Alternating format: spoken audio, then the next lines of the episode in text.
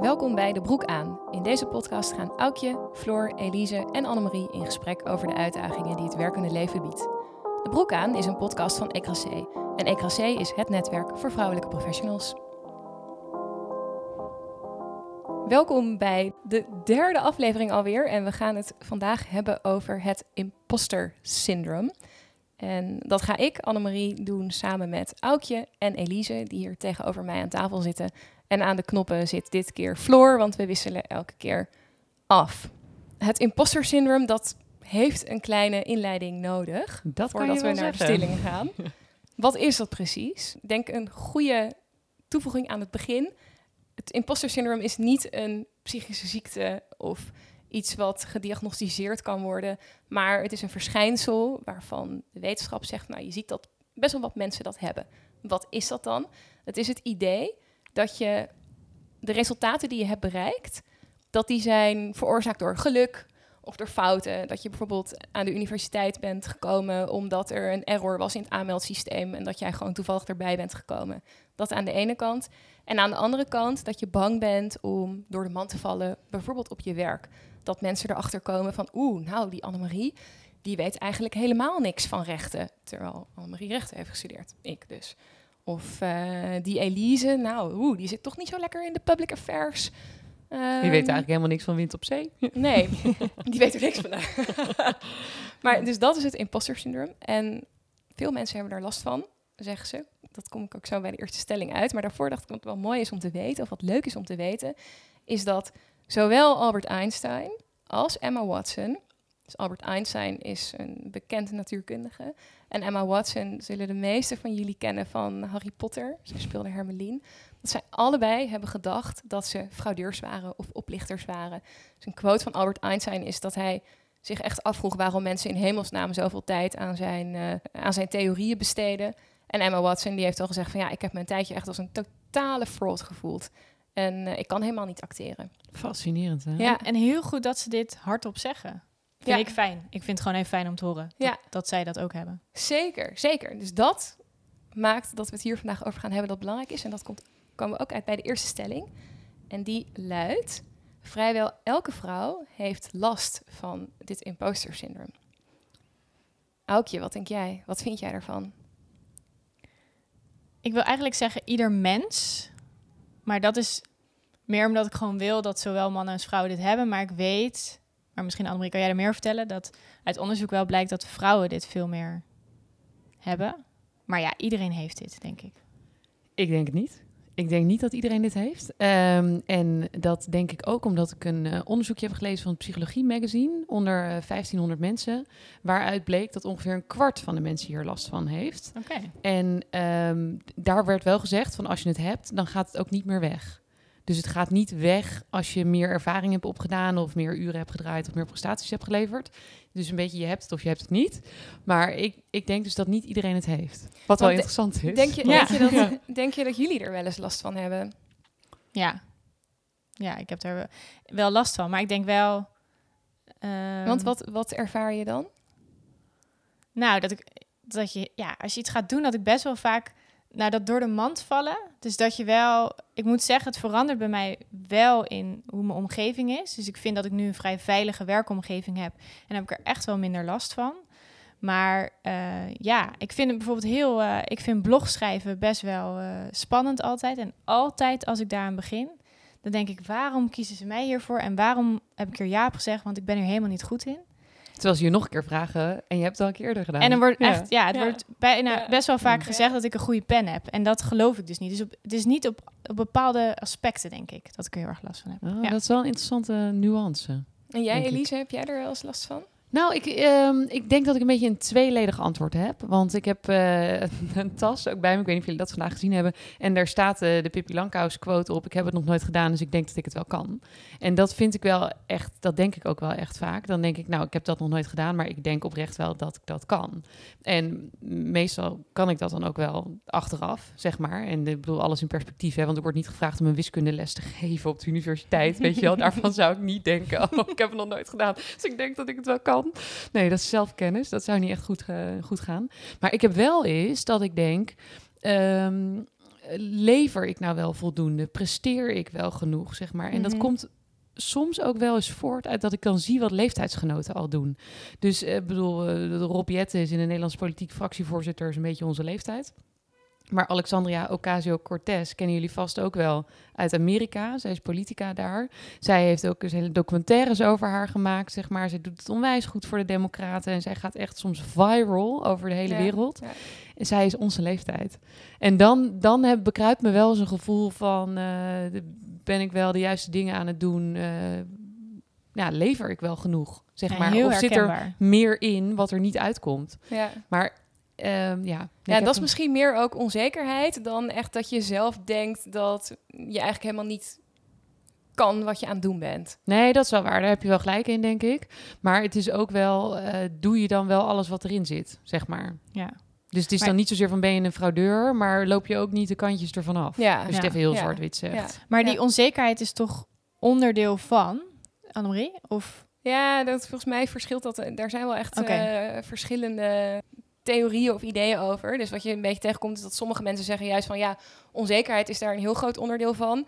En andere mensen zeggen ook nee, het is juist niet onzekerheid. Het is juist gewoon een, een, het idee dat je gewoon echt iets niet kan wat je aan het doen bent. Dus er gaat iets anders mis dan onzekerheid. Want heel veel mensen ervaren Ah, ja. denk ik ook wel een stukje onzekerheid. Maar dat houdt je denk ik ook scherp. Maar Annemarie, mag ik iets, iets toetsen? Want Ja, in eh, dat onderzoekje wat ik dan had gelezen... daar werd dan gezegd van, het, wat ik net zei... weet je, het gaat niet weg naarmate je meer ervaring opdoet. ja. En wat ik best wel ontwapenend vind aan eh, langer werken... is dat eh, sommige mensen helemaal niet zo briljant zijn als dat ze lijken. Om maar Mhm. even zo te zeggen. Dus ik weet niet of jullie dat ook hadden... maar toen je begon met werken... toen keek je echt wel heel erg op tegen bepaalde mensen. En toen dacht je echt, nou, die zijn echt zo goed... die kunnen zoveel, die weten zoveel. En ik merk best wel nu in het werkende leven... dat je soms met mensen in overleggen zit... dat zij het ook niet weten. ja. Dus dat ze Nee. ook gewoon maar wat doen. Of gewoon maar wat, wat denken of wat brainstormen, zeg maar. En dat vind ik dus wel interessant, omdat ik denk, ik doe bijvoorbeeld dat inzicht wel echt op nu tijdens het werkende leven. Ehm, dus ja, mensen doen wel meer ervaring op, maar dat betekent niet dat ze altijd meer kennis hebben of altijd beter zijn. Dus je zou denken dat dat imposter syndroom ook iets is waar je afscheid van zou kunnen, waar je op een gegeven moment afscheid van kan nemen, omdat je dus ziet dat jij niet zeg maar de fraudeur Ja. bent, maar dat anderen Ja. eigenlijk ook misschien helemaal Net niet zo boven erg. dat iedereen Ja. fraudeur is. Nee, maar snap je wat ik bedoel? Dus dat, wel geen idee. dat mensen eigenlijk helemaal niet meer leveren dan dat jij levert. Omdat er gewoon, zelfs als Einstein het had, weet je? Ja, ik denk wel, maar dat is puur gewoon als ik op mezelf afga. Dat ik denk wel toen ik net begon met werken hier veel meer last van had dan nu. Omdat ik wel gewoon nu veel meer overtuigd ben van mijn expertise en mijn kunnen. En dat door ervaring je leert dat mensen je waarderen. Maar ook vooral dat ik zelf mezelf echt veel meer waardeer dan toen ik Ja. vijf jaar geleden begon. Ja. Ehm, en dat ik dus. Dus ik vind hem, ja, ik denk wel dat het minder kan worden, maar dat is echt puur op mezelf. Ja, Maar vind ik wel interessanter, want dat ervaar ik denk ik ook wel. Als ik kijk naar toen ik echt net uit de collegebanken eh, begon met werken... of ook toen ik net overstapte naar mijn tweede baan... heb ik echt wel eens gedacht van... nou, oké, Annemarie, nu gaan ze zien dat je verbaal best wel op orde was... en daarom ben je die, door die sollicitatiegesprekken heen gekomen. maar eigenlijk kan je niks. Nee. Maar dat is denk ik op zich ook um, incidenteel best een normaal gevoel om te hebben. Want eh, ik heb dat ook al gehad. Als je een nieuwe baan hebt en je begint.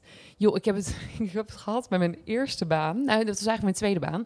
Toen ging ik eh, voor de Tweede Kamerfractie van D66 werken. En ik was aangenomen op de portefeuille zorg. En ik heb een master Ja. gedaan eh, gericht op eh, mondiale gezondheidszorg en eh, gezondheidszorgsystemen. Dus internationaal gezien best wel wat kennis. Hè? En toen een tijdje bij de Wereldgezondheidsorganisatie gezeten. Dus ik dacht, nou, dit gaat helemaal goed komen. Op de eerste werkdag vroeg iemand aan mij... Ja, sorry, ik moet nu al lachen, want Auk gaat het ook zo grappig vinden. Maar toen vroeg iemand aan mij, ja, leuk, ga je de cure of the care doen? Het zijn zeg maar twee soorten zorg. Een beetje de Mhm. ziekenhuiszorg of de ouderenzorg.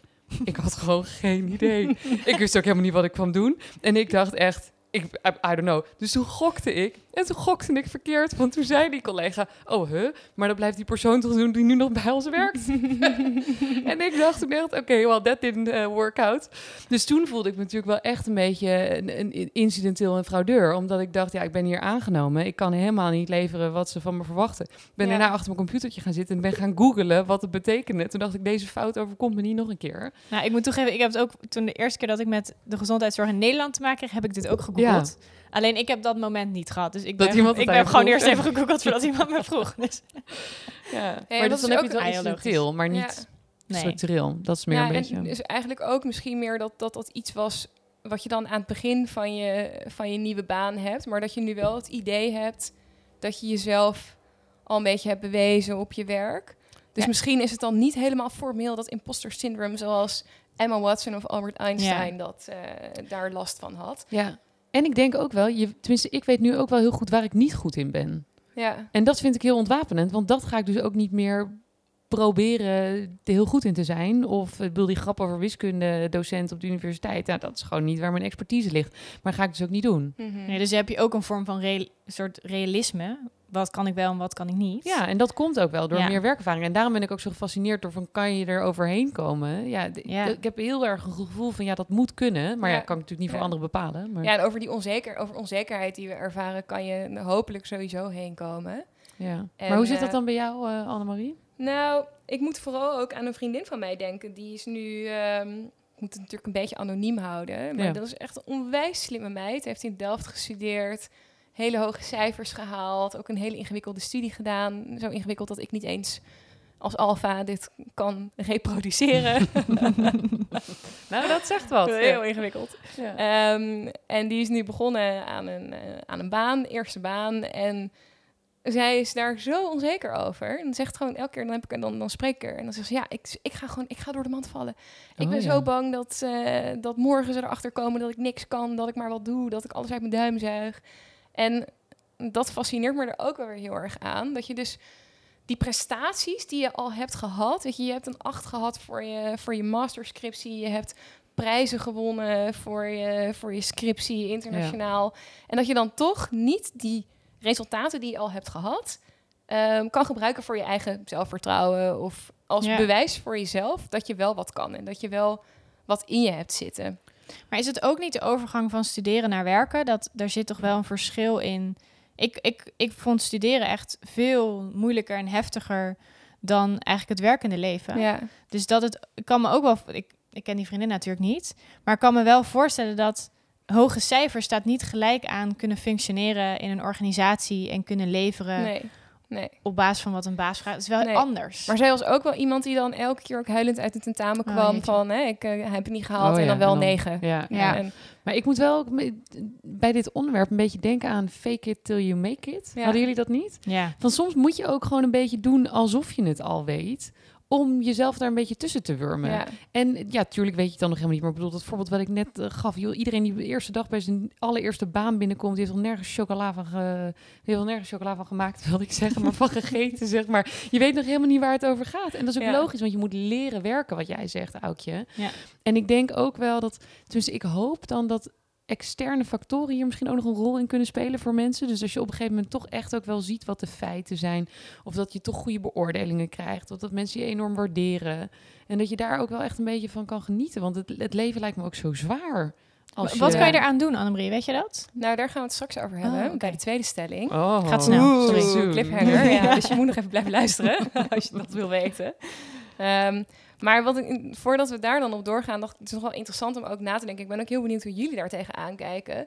Wat je dan in, er zijn ontzettend veel onderzoekjes gedaan en die worden al een beetje sinds de jaren zeventig wordt hier onderzoek naar gedaan. En wat je dan inderdaad ziet is dat meer vrouwen dan mannen ehm, last hebben van dit verschijnsel, van het imposter Oh. Toch, ja. Ja, dus volgens mij is het iets van 25% van de mannen. En dit zijn de onderzoeken die bijvoorbeeld op geneeskundestudenten zijn gedaan. ja. 25% van de mannen en 45% van de vrouwen. Maar wat je ook veel. ziet, en dat vind ik dus ook heel interessant, dat je bij ehm, mensen met een migratieachtergrond, dus eigenlijk minderheden ook in bredere zin, Ja. dat je ziet dat die groep ook veel meer last heeft van eh, het imposter syndrome. Dus ook volgens mij rond de 40%.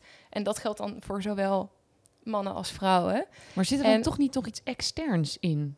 Want wat je, dus je, je hint erop misschien, dat het minderheden, dat het daar ook zoveel voorkomt. Dat, Ja, dat, dat zou heel goed kunnen. Vind, dat vind ik echt heel interessant. Dat je, dus dan probeer je, dat je, dan zeg je van nou, het komt door er hoe de maatschappij ja. kijkt naar mensen en jij wijkt af van de norm. Want eh, jij bent niet hoe we de standaard topdokter eh, Definiëren. definiëren en zouden tekenen. Ja, En dat je dan het idee al een soort van geïnternaliseerd hebt dat dat niet past bij ja. wat hoort. Dat vind ik Ja. echt onwijs interessant. Ja, maar ik- als je dit doorredeneert, heb ik ook nu pas. Maar dit, is, zou, dit zou echt fascinerend zijn. Want dit zou ook bijvoorbeeld heel even een zijnoot. Maar zou ik heel erg kunnen verklaren vrouwen in de topposities. Zeg maar, als je dan dus de enige bent die daar is. En zo afwijkend bent van de tussen aanhalingstekens norm. ja. Misschien heeft het dus ook wel impact op je functioneren. Ja. eh, terwijl het eigenlijk Ja. iets van buitenaf is wat Ja. erop Ja. wordt gelegd. Ja, en wat ik daar eens over heb gelezen, en daar ben ik ook heel benieuwd naar hoe jullie daar tegenaan kijken, is dat positieve discriminatie ehm, kan er bij de mensen die positief worden gediscrimineerd juist toe leiden dat ze dat imposter syndroom gaan creëren. Want dan is het ja, maar ik ben het helemaal niet Oh, geworden ja. omdat ik goed ben. Nee, ik ben het gewoon geworden omdat dit bedrijf positief discrimineert. Ja, omdat er Ja. iemand nodig was. Dus dan en denk je de hele dag was. door, ik ben excuustruus en daarom loop ik hier. Ja, dus zouden we dan moeten stoppen met positieve discriminatie? Zo, dus een vraag. Ehm, Kan je een hele aparte podcast aanwijden, denk ik. Ja, dat is, ik vind dat een hele moeilijke dis- discussie. Want het, er zit natuurlijk in dat woord discriminatie al meteen iets wat onwenselijk is, zeg maar. Want je wil eigenlijk geen discriminatie. Maar je wil soms ook wel bepaalde patronen doorbreken. Eh, en dat is een beetje dezelfde discussie over... moet je een quotum eh, wel of niet doen? Nou, daar kunnen we het ook een keer over hebben. Maar dat is natuurlijk ook om een soort van de status quo te veranderen. En met positieve discriminatie probeer je dat natuurlijk eigenlijk ook te doen. Want we weten ook gewoon dat bijvoorbeeld mensen met een, eh, een, eh, een migratieachtergrond... minder goed landen op de arbeidsmarkt, weet je? Omdat ze beoordeeld worden op hun naam, bijvoorbeeld. Mhm. Ja, dat zijn ook wel dingen waarvan ik denk... dat moeten we ook een keer doorbreken. hè? En dat moeten we ook een keer veranderen. Ja, en ik heb niet het gouden antwoord daarop. Nee.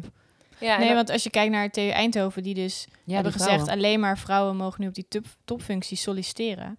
Ja, ik vind dat sowieso echt een super goede actie om dat uit te proberen. Maar het is niet Maar- eh, ook goedgekeurd door het College van de Rechten van de Mens. Nee, dat heb ik ook gehoord. Maar Ja. soms moet je een beetje eh voorbij gaan aan... om Je dus kan wel ook- iets ervoor, eh, te, be- te bereiken, denk ik. En mannen zijn lang genoeg voor getrokken daar. Dat ja, je moet ook ruimte Ja. bieden aan, denk Ja. ik. En ik, denk, ik kan me heel goed voorstellen dat die vrouwen misschien wel erin gaan met het idee... ik moet me extra bewijzen nu.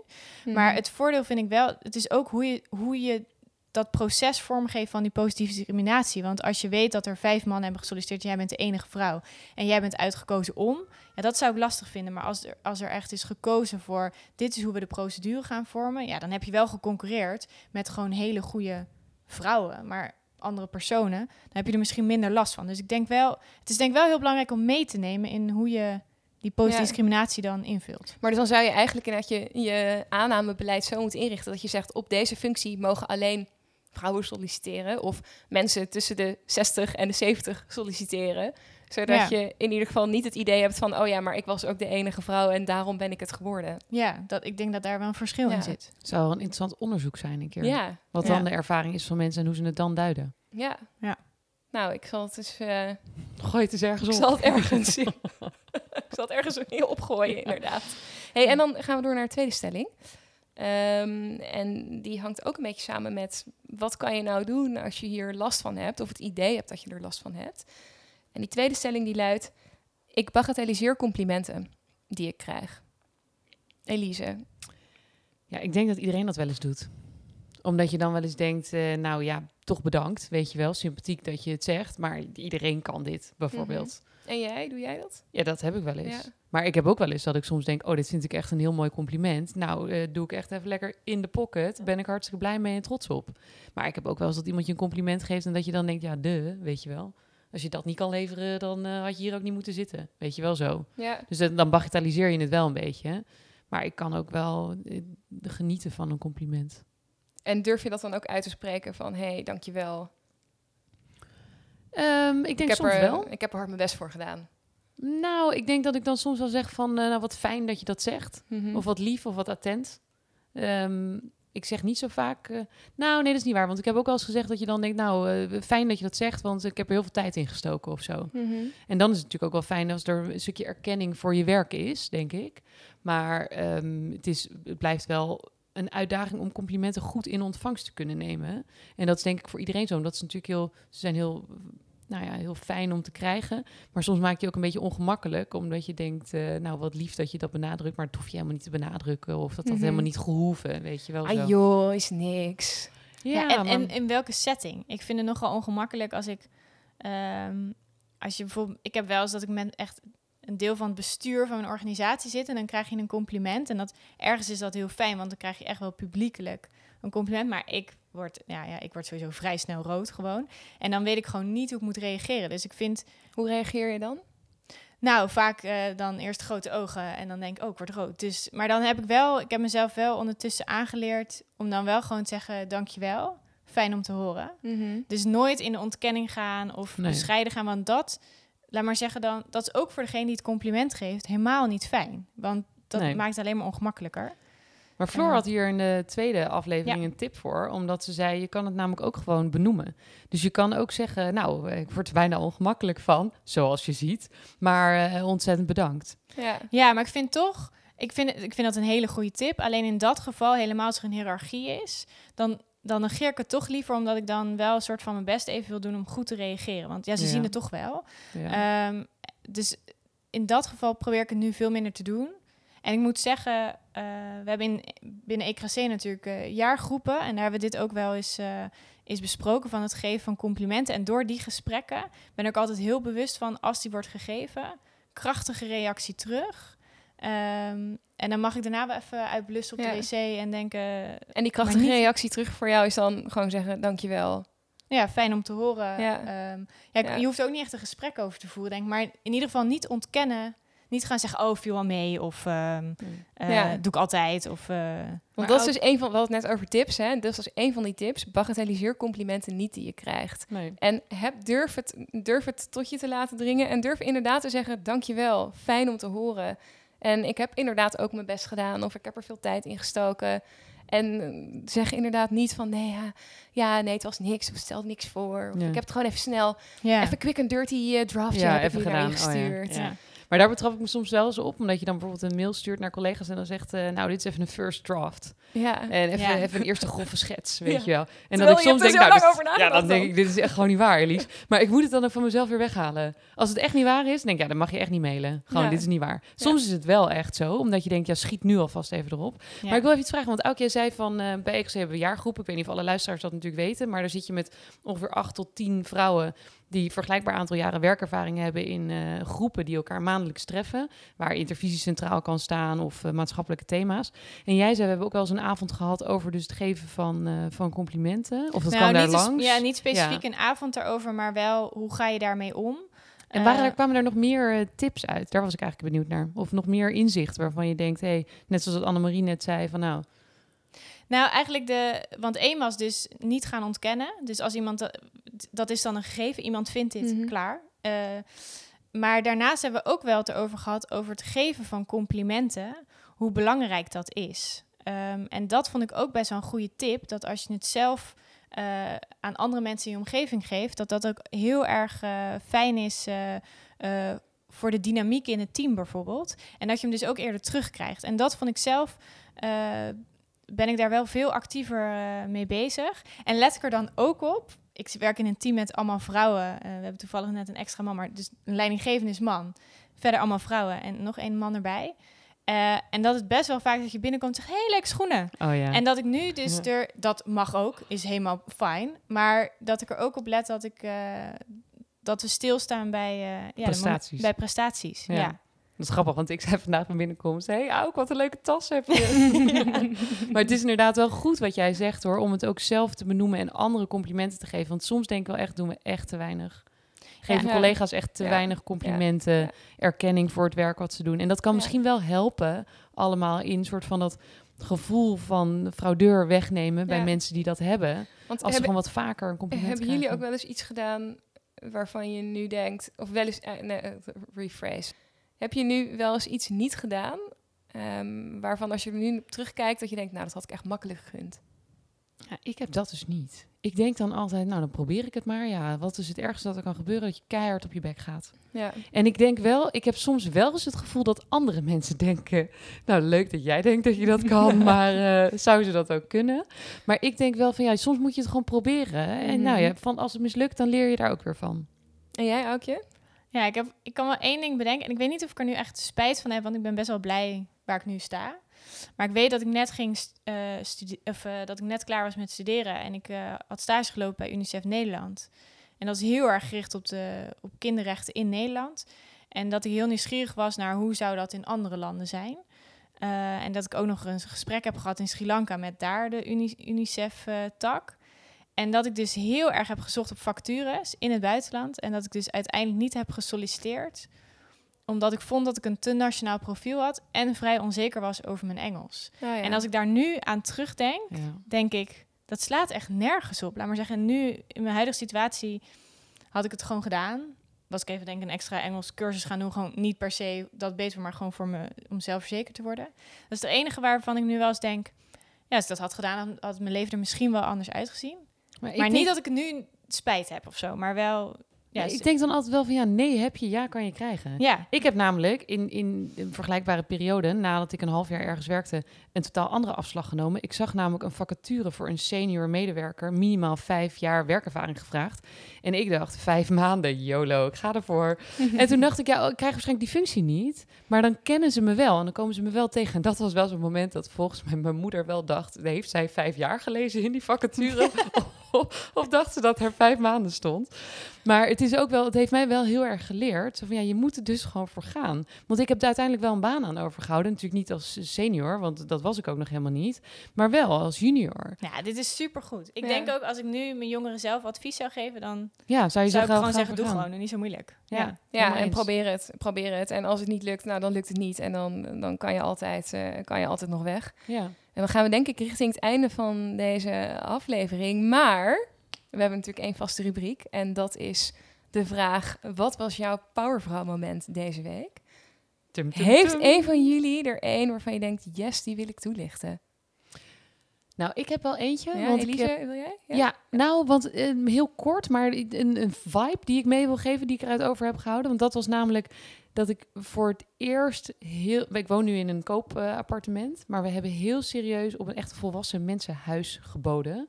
En dat gaf me zo'n gevoel van power. We hadden ons goed laten informeren van tevoren. tevoren. We wisten wat we uit wilden geven, hoe onze financiën in elkaar zaten, tot waar we wilden gaan. En we hebben echt een soort van biedingsstrijdje gehad en nog een keer een extra bod gedaan. Het is tragisch afgelopen, want we hebben het niet gekregen. Maar het gaf wel zo'n gevoel van power, omdat ik dacht, als je je dus goed voorbereidt hierop, then we can do this. Een soort in control. In control, dat was Nice. het. Was echt gaaf. En dat kan je dus gewoon jezelf gunnen door je goed voor te bereiden. Nou, mooi. Heel mooi.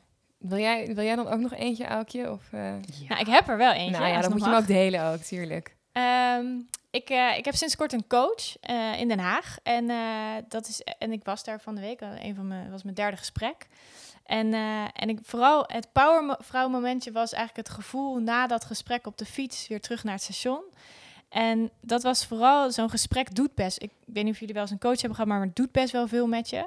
Dus ik was, ik merkte dat er een beetje tranen opkwamen, een soort emotie. En ondertussen mega blijdschap, omdat ik echt voelde dat ik weer verder was in mijn proces. En ik ben best wel aan het zoeken naar. Ik, ik heb soms wat onrust, dus ik ben altijd aan Mhm. het zoeken naar meer. En wat kan ik eh, hierna gaan doen? Eh, of hoe kan ik mijn werk op dit moment eh, nou ja, nog beter doen?